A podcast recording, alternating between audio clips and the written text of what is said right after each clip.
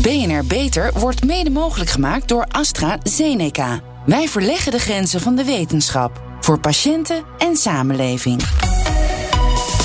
BNR Nieuwsradio. Beter. Harmke Pijpers.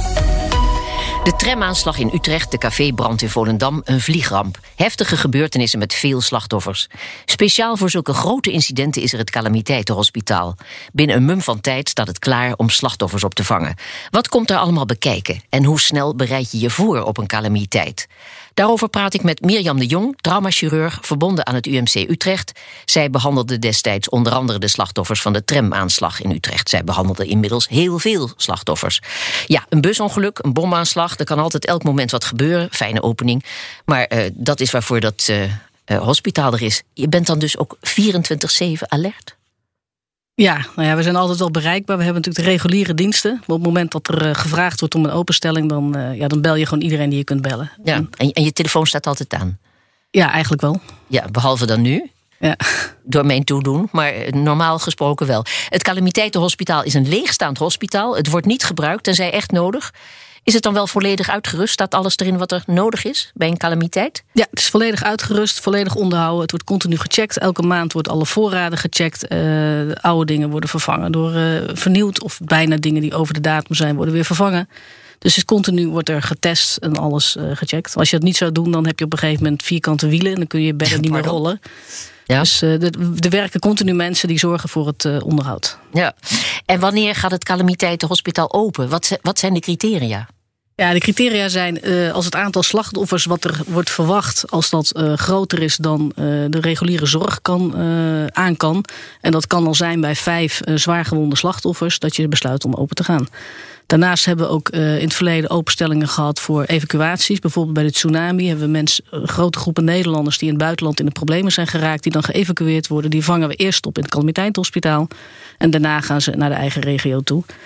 We hebben inderdaad ook de Libiërs opgevangen. We hebben destijds 50 Libiërs op verzoek van de overheid hebben we opgevangen vanwege humanitaire doeleinden. Ja. En ook uh, Defensie die wil graag dat wij paraat staan om in tijden van oorlog dat zij altijd uh, zorg kunnen krijgen. Ja, en, en wie beslist dat het hospitaal open gaat? Doe jij dat als hoofd van het hospitaal of de burgemeester of de hulpdiensten ter plekke? Ja, de, de dienst doet traumachirurg, dat kan ik dus zijn, maar dat is de dienst om traumachirurg op dat moment. Het verzoek komt binnen vanuit de normale meldkamer van de ambulance. Die vraagt het aan ons ziekenhuis van goh, kunnen jullie open? Ja. En de verpleegkundige die dat bericht binnenkrijgt, die zal het aan ons vragen. En wij bedenken van, we willen open. We moeten nog wel even toestemming vragen aan de Raad van Bestuur. Want er zit natuurlijk een financieel plaatje aan vast.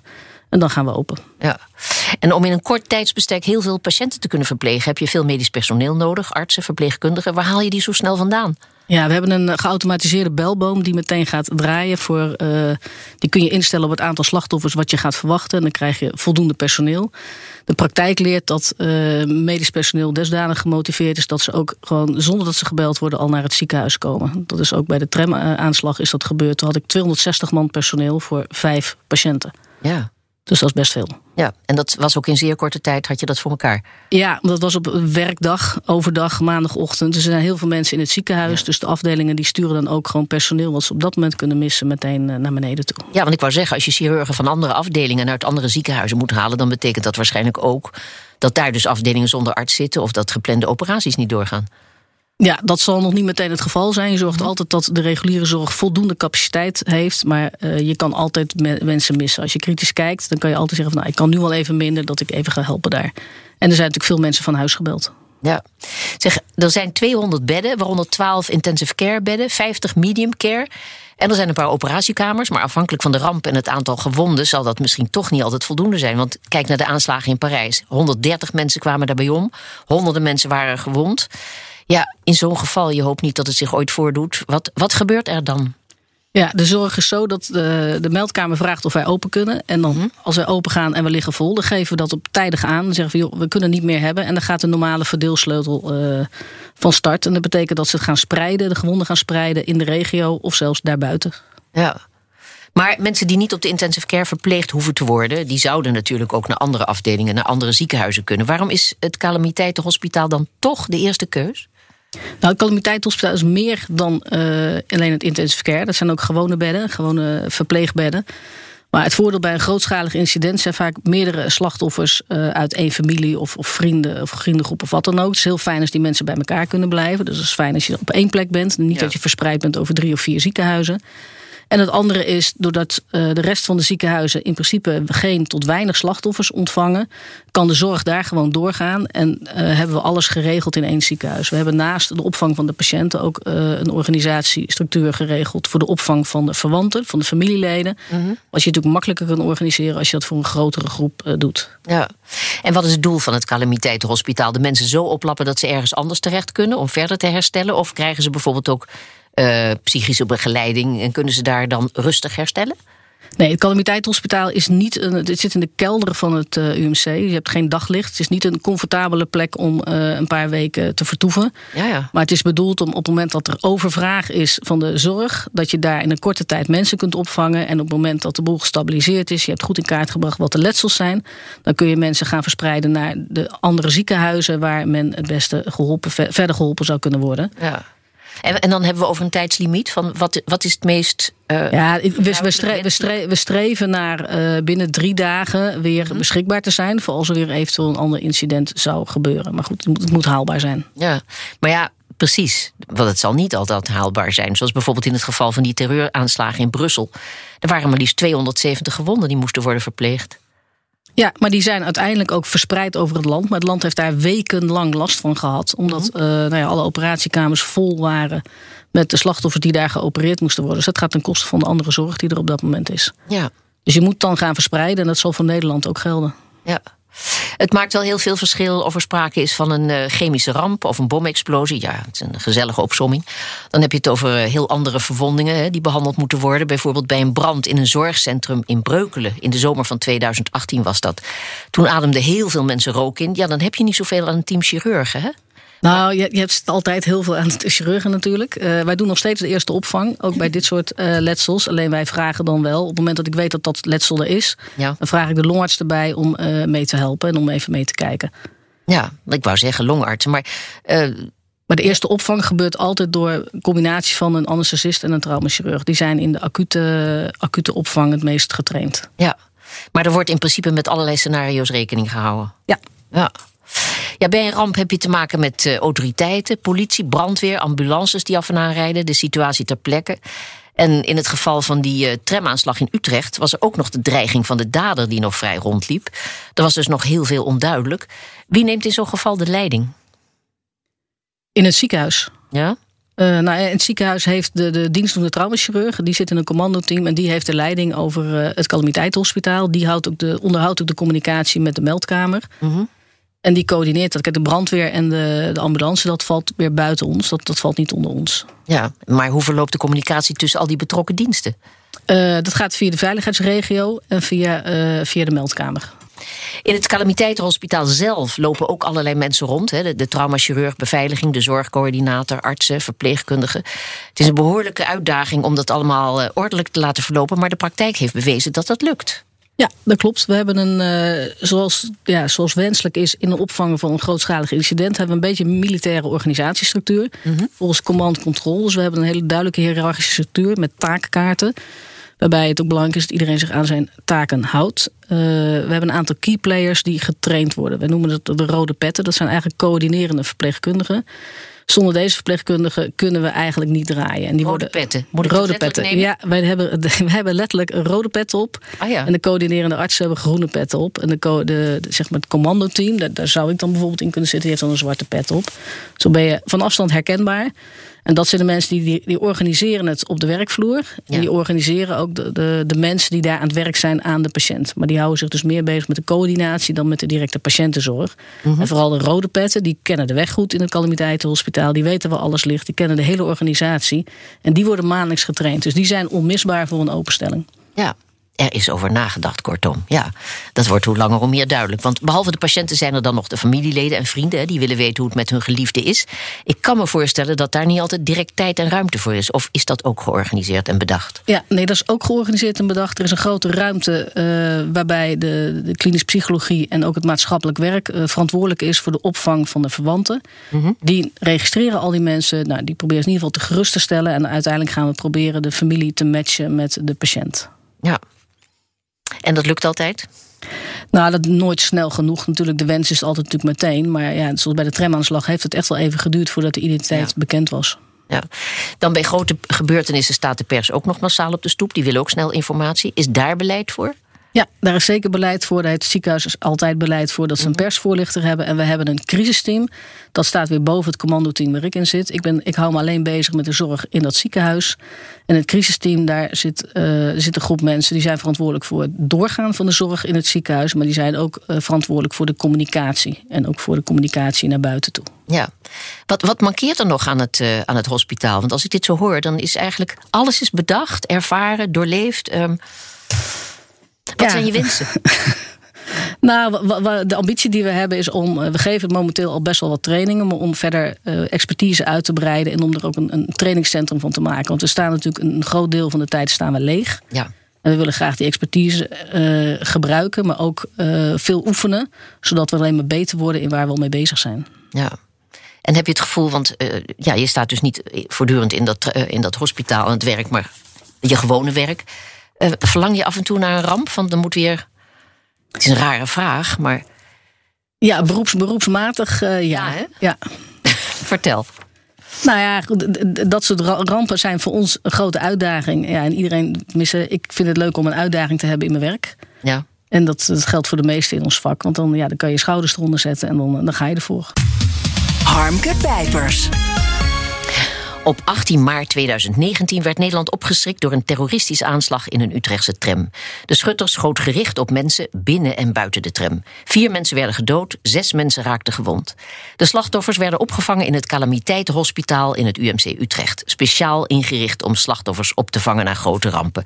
En daarover praat ik verder met traumachirurg Mirjam de Jong, die op die dag degene was die besloot dat het calamiteitenhospitaal open moest. Ja, ehm, we hebben het er al even over gehad ook over het feit dat je af en toe toch echt weer verlangt naar dat we allemaal, uh, dat je die allemaal die realiteit beleeft in plaats van de oefeningen die ook gebeuren. Daar hebben we het zo, zo, nog over. Maar ik kan me voorstellen dat het voor jullie toch een heel heftige dag was. Roept het veel emoties op om daarover te praten?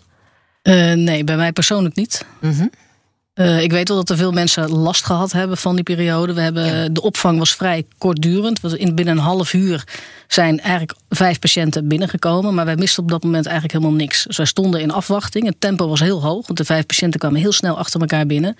En wij, waren eigenlijk, wij dachten eigenlijk dat de snelheid zo door zou gaan. Dus we maakten ons in die zin wel een beetje zorgen. Ja. Maar toen viel het stil. En er kwam van alles en nog wat informatie in de media. Een hele hoop dingen. Heel veel onrust niet duidelijk wat er aan de hand was. Inderdaad, mensen die nog rondliepen, schutters die nog rond zouden lopen, misschien wel mensen die naar het ziekenhuis zouden komen.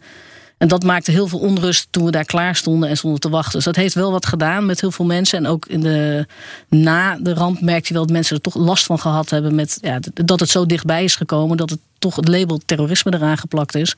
Dat mhm. maakt het anders dan een groot ongeval. Want dat maken we vrijwel dagelijks mee in het ziekenhuis. Daar kan iedereen goed mee overweg. Dat is in zekere zin overzichtelijk als je dat vergelijkt met. Ja, ja goed. En er zitten, er zitten ook heftige dingen in. Alleen, uh, ja, dat, daar, ben, daar ben je meer gewend. Weet je? En het bent natuurlijk niet altijd, maar daar kun je goed mee omgaan. Maar als er terrorisme stempel erop gedrukt wordt en jouw kind zit toevallig uh, een paar straten verderop op school.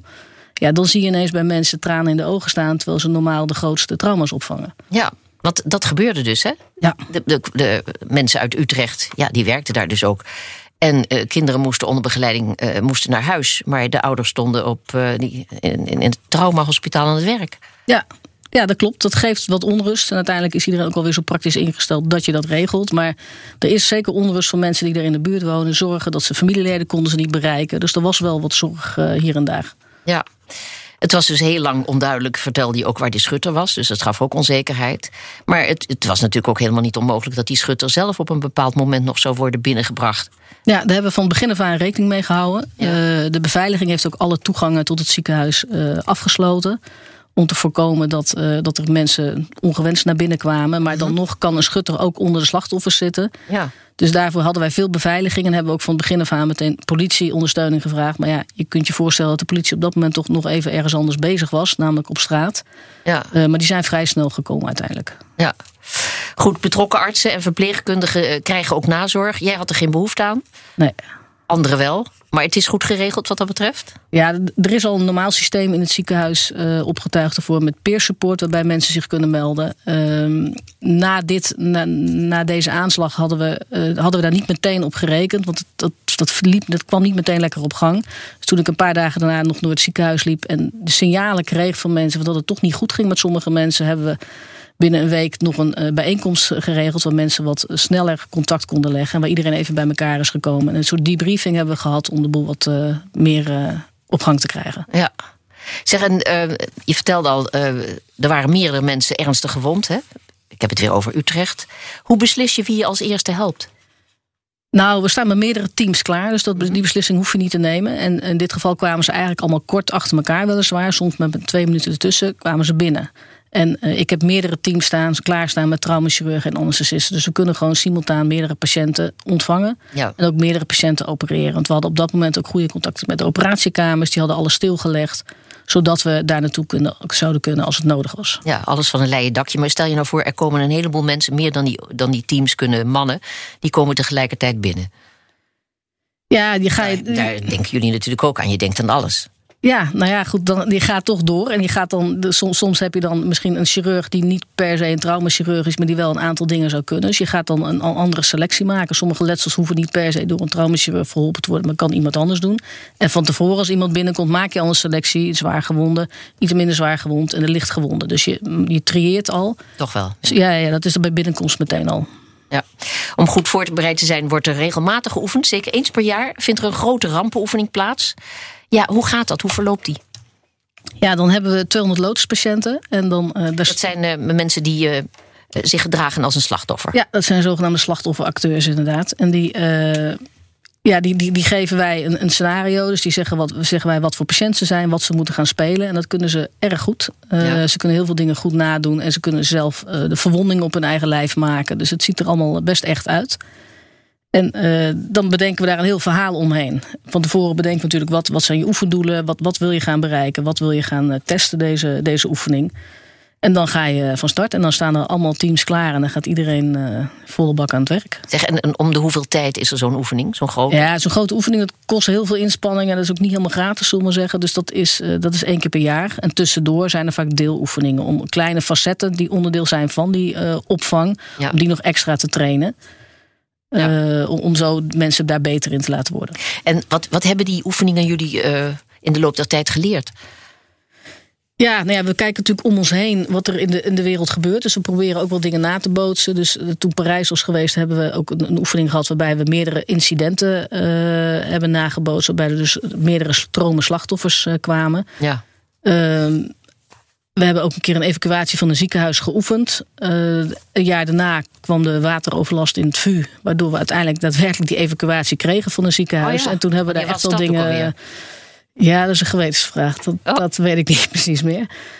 Nou goed. Maar uh, ja, toen, toen, hebben we daar wel dingen van geleerd. Toen meteen personeel mee te vragen en de organisatie rondom personeel inschrijven. Want je kan niet zomaar iedereen in het ziekenhuis laten werken. Je moet toegang tot de computersystemen hebben. Ja. En dat, dat was allemaal geregeld. Dat was snel te doen. Ja. En wat hebben jullie daarvoor lessen van geleerd? Van, de, van, van het vuurwerk. Ja, wat levert het voor, uh, voor onverwachte Nee, dat heeft eigenlijk, dat, eigenlijk liep dat heel soepel. Mm -hmm. Want we hebben heel veel personeel gehad van het vuur. Het heeft uiteindelijk weinig uh, mensen van ons, een paar coördinerende, de zogenaamde petten, uh, nodig gehad om de boel op de plek te organiseren. En voor de rest doen de, de verpleegkundigen en de artsen gewoon het werk aan de patiënt zoals ze dat elke dag doen. Ja. Dat liep eigenlijk best soepel. Ja, dat liep soepel. Maar ik kan ja. me voorstellen dat je zegt, nou die en die dingen, daar waren we nog niet op verdacht. Maar goed dat we dat meegemaakt hebben. Zoals je dat na zo'n oefening, die dus van tevoren bedacht is en georganiseerd, ook. Ja, nou, bij de meeste dingen hebben we dat. Bij deze heb ik, heb ik hem niet echt gehad, omdat dat eigenlijk mm -hmm. gewoon soepel, ja, soepel liep. Ja, zeg, en die oefeningen, hè, dat is uh, uh, 200 lotenslachtoffers. Hoeveel artsen doen eraan mee? Hoeveel personeel? Uh, totaal loopt er op zo'n dag zo'n 650 man personeel rond. Ah ja, ja. En uh, dat gebeurt niet echt spontaan, hè? Dat, nee, dat, dat is, is nee, dat is gepland. Ja, anders dan krijgen we heel veel, heel veel kwade gezichten als je ineens bij je familiefeestje weg moet, omdat je voor een oefening naar het ziekenhuis moet. Kijk, voor een echte openstelling en een incident zal iedereen bereid zijn om alles uit zijn handen te laten vallen. Ja. Maar voor een oefening is, ligt dat natuurlijk anders. Dus de datum is bekend, het thema is niet bekend. Dus ze weten een tijdstip. En voor de rest gaat het zoals het normaal ook zo gaan. Ze krijgen gewoon een telefoontje dat ze moeten komen. Ja. En dan gaat het, uh, gaat het lopen. Zeg, het, uh, het Amsterdam Medisch Centrum ving de slachtoffers op van de cafébrand in Volendam. 1 januari 2001. We weten het allemaal nog. Hè. Waarom kwamen die slachtoffers niet naar het calamiteitenhospitaal? Ja, dat is lang geleden. Het calamiteitenhospitaal is niet heel bekend. De, mhm. Meestal is het natuurlijk ook gewoon leeg. En uh, destijds zijn ze opgevangen in de eigen regio. Ja, ik was destijds niet werkzaam, uh, was nog amper chirurg. Dus uh, ik heb de details daar niet van meegekregen. Maar ik, ze zijn in de eigen regio opgevangen. Ik weet wel dat er op een gegeven moment contact is geweest met het calamiteitenhospitaal. En later bleek toch dat het niet nodig was, omdat ze het in de eigen regio gingen redden. Ja, en, en dat is helemaal naar bevrediging gegaan. Ze hebben er later niet spijt van gekregen dat ze toch niet het calamiteitenhospitaal hebben ingeschakeld, bijvoorbeeld. Nee, dat heb ik niet van ze gehoord. Maar daar heb ik het ook niet over gehad met ze. Dat is te lang geleden voor mij. Uh, ja, dat begrijp ik. Ja. Maar goed, ik uh, meen toch te merken dat er, uh, als het gaat, nou niet zozeer om crisissituaties, maar dat het toch in de zorg vaak moeilijk is om dingen uit handen te geven. Dus kom je dat ook tegen? Ja, nou, ik denk wel. Kijk, als je, als je nu terugkijkt naar Volendam-ramp, zou ik zeggen: jongens, was, wat het makkelijker gedaan, was gewoon naar Utrecht gekomen. Mm dan had je alle mensen bij elkaar gehouden. Want je had daar natuurlijk gewoon groepen feestende mensen die ook allemaal verwant zijn aan elkaar. Dan hoef je niet de halve stad door te rijden om al je, je vriendjes, vriendinnetjes, je familieleden op te zoeken. Maar dan heb je ze allemaal even bij elkaar. En dan hou je in de regio ook nog gewoon capaciteit voor de acute zorg die je ook gewoon moet houden. Ja. Dus als je het nu doet, en ik denk dat we nu iets meer bekendheid hebben, zal het nu misschien wel anders gaan. Het getuigen ook de, de wateroverlast bij het vuur, toen ging het ineens vrij soepel. Ja, ja oké. Was natuurlijk ook redelijk dichtbij. Ja, ja, dat klopt. Lag ook voor de hand. Ja. Maar heb je het gevoel dat het, dat het uh, calamiteitencentrum, dat er altijd uh, dat er voldoende aandacht voor is? Dat, dat, dat er geen enkel probleem is om uh, dat in te schakelen? Dat er geen drempel is wat dat betreft? Nou ja, in eerste instantie wel. En ik kan me het ook voorstellen als je wat verder weg uh, bent. Kijk, als je in Maastricht zit, dan zou ik zeggen... ja, dan moet je toch meer proberen in je eigen regio. Ja. Uh, want je moet niet onnodig met mensen op transport gaan. Dus als je wat verder weg bent, dan is het calamiteitenhospitaal... kun je eventueel op een andere manier gebruiken. We doen, bijvoorbeeld met Den Haag staan we ook in een rampscenario beschreven... waarbij wij bijvoorbeeld de lichtgewonde slachtoffers... die ze dan in een bus zetten, die gaan naar ons toe. Dat zijn vaak de grootste aantallen. Als je een grootschalig incident hebt, dan heb je meestal 70% lichtgewonden. En ja, die, die obstrueren wel je ziekenhuis. Als zij, zodat zij zich nu kunnen focussen op de zwaargewonden, kunnen wij dan de lichtgewonden nemen. Ja. Dus het hangt er vanaf hoe ver je bij ons vandaan bent. Je moet niet met zwaargewonde patiënten gaan rijden. Nee, maar sinds de oprichting in 1991 was dat, werden slachtoffers opgevangen van de vliegramp in Faro, de tsunami in Azië, maar ook oorlogsslachtoffers uit Libië. Waarom wordt ervoor gekozen in bepaalde situaties dan toch uh, om die mensen naar Nederland te halen en ze hier uh, te verplegen? Nou, dat ging, uh, behalve de Libiërs dan, de andere ging het echt om Nederlanders die terug moesten, die gerepatrieerd moesten worden. En die naar Nederland moesten. En er was nog onduidelijk wat precies de letsels waren. Dan is het fijn dat je in een uh, calamiteitshospitaal, wat gewoon aan een uh, groot traumacentrum vastzit, waar je alle faciliteiten hebt, dat je eerst de mensen in kaart kan brengen, dat je alle letsels kunt uh, inventariseren. voordat je ze gaat uitplaatsen naar ziekenhuizen die ze, die ze verder kunnen gaan behandelen. Dus dat is handig voor. En met de Libiërs, dat waren geen Nederlanders, dat waren 50 Libiërs die naar Nederland zijn gekomen. Dat was een verzoek van de overheid om vanwege humanitaire doeleinden, omdat op dat moment ziekenhuizen gebombardeerd waren daar en er kennelijk capaciteitsproblemen waren. Oké, wanneer is de volgende oefening? Uh, die zou in november zijn, maar die wordt nu wat uitgesteld vanwege uh, toch wat overbelasting van personeel. Maar je verheugt je erop. Zeker. Hartelijk dank, Mirjam de Jong. En tot zover deze uitzending van BNR Beter. Op bnr.nl slash beter is deze uitzending terug te luisteren van de maand via de BNR-app en op uw favoriete podcast. We zijn ook op Twitter te vinden onder BNR Beter, dus heeft u tips voor ons, laat het ons weten. Ik ben Harmke Pijpers. Graag tot een volgend spreekuur. BNR Beter wordt mede mogelijk gemaakt door AstraZeneca. Wij verleggen de grenzen van de wetenschap voor patiënten en samenleving.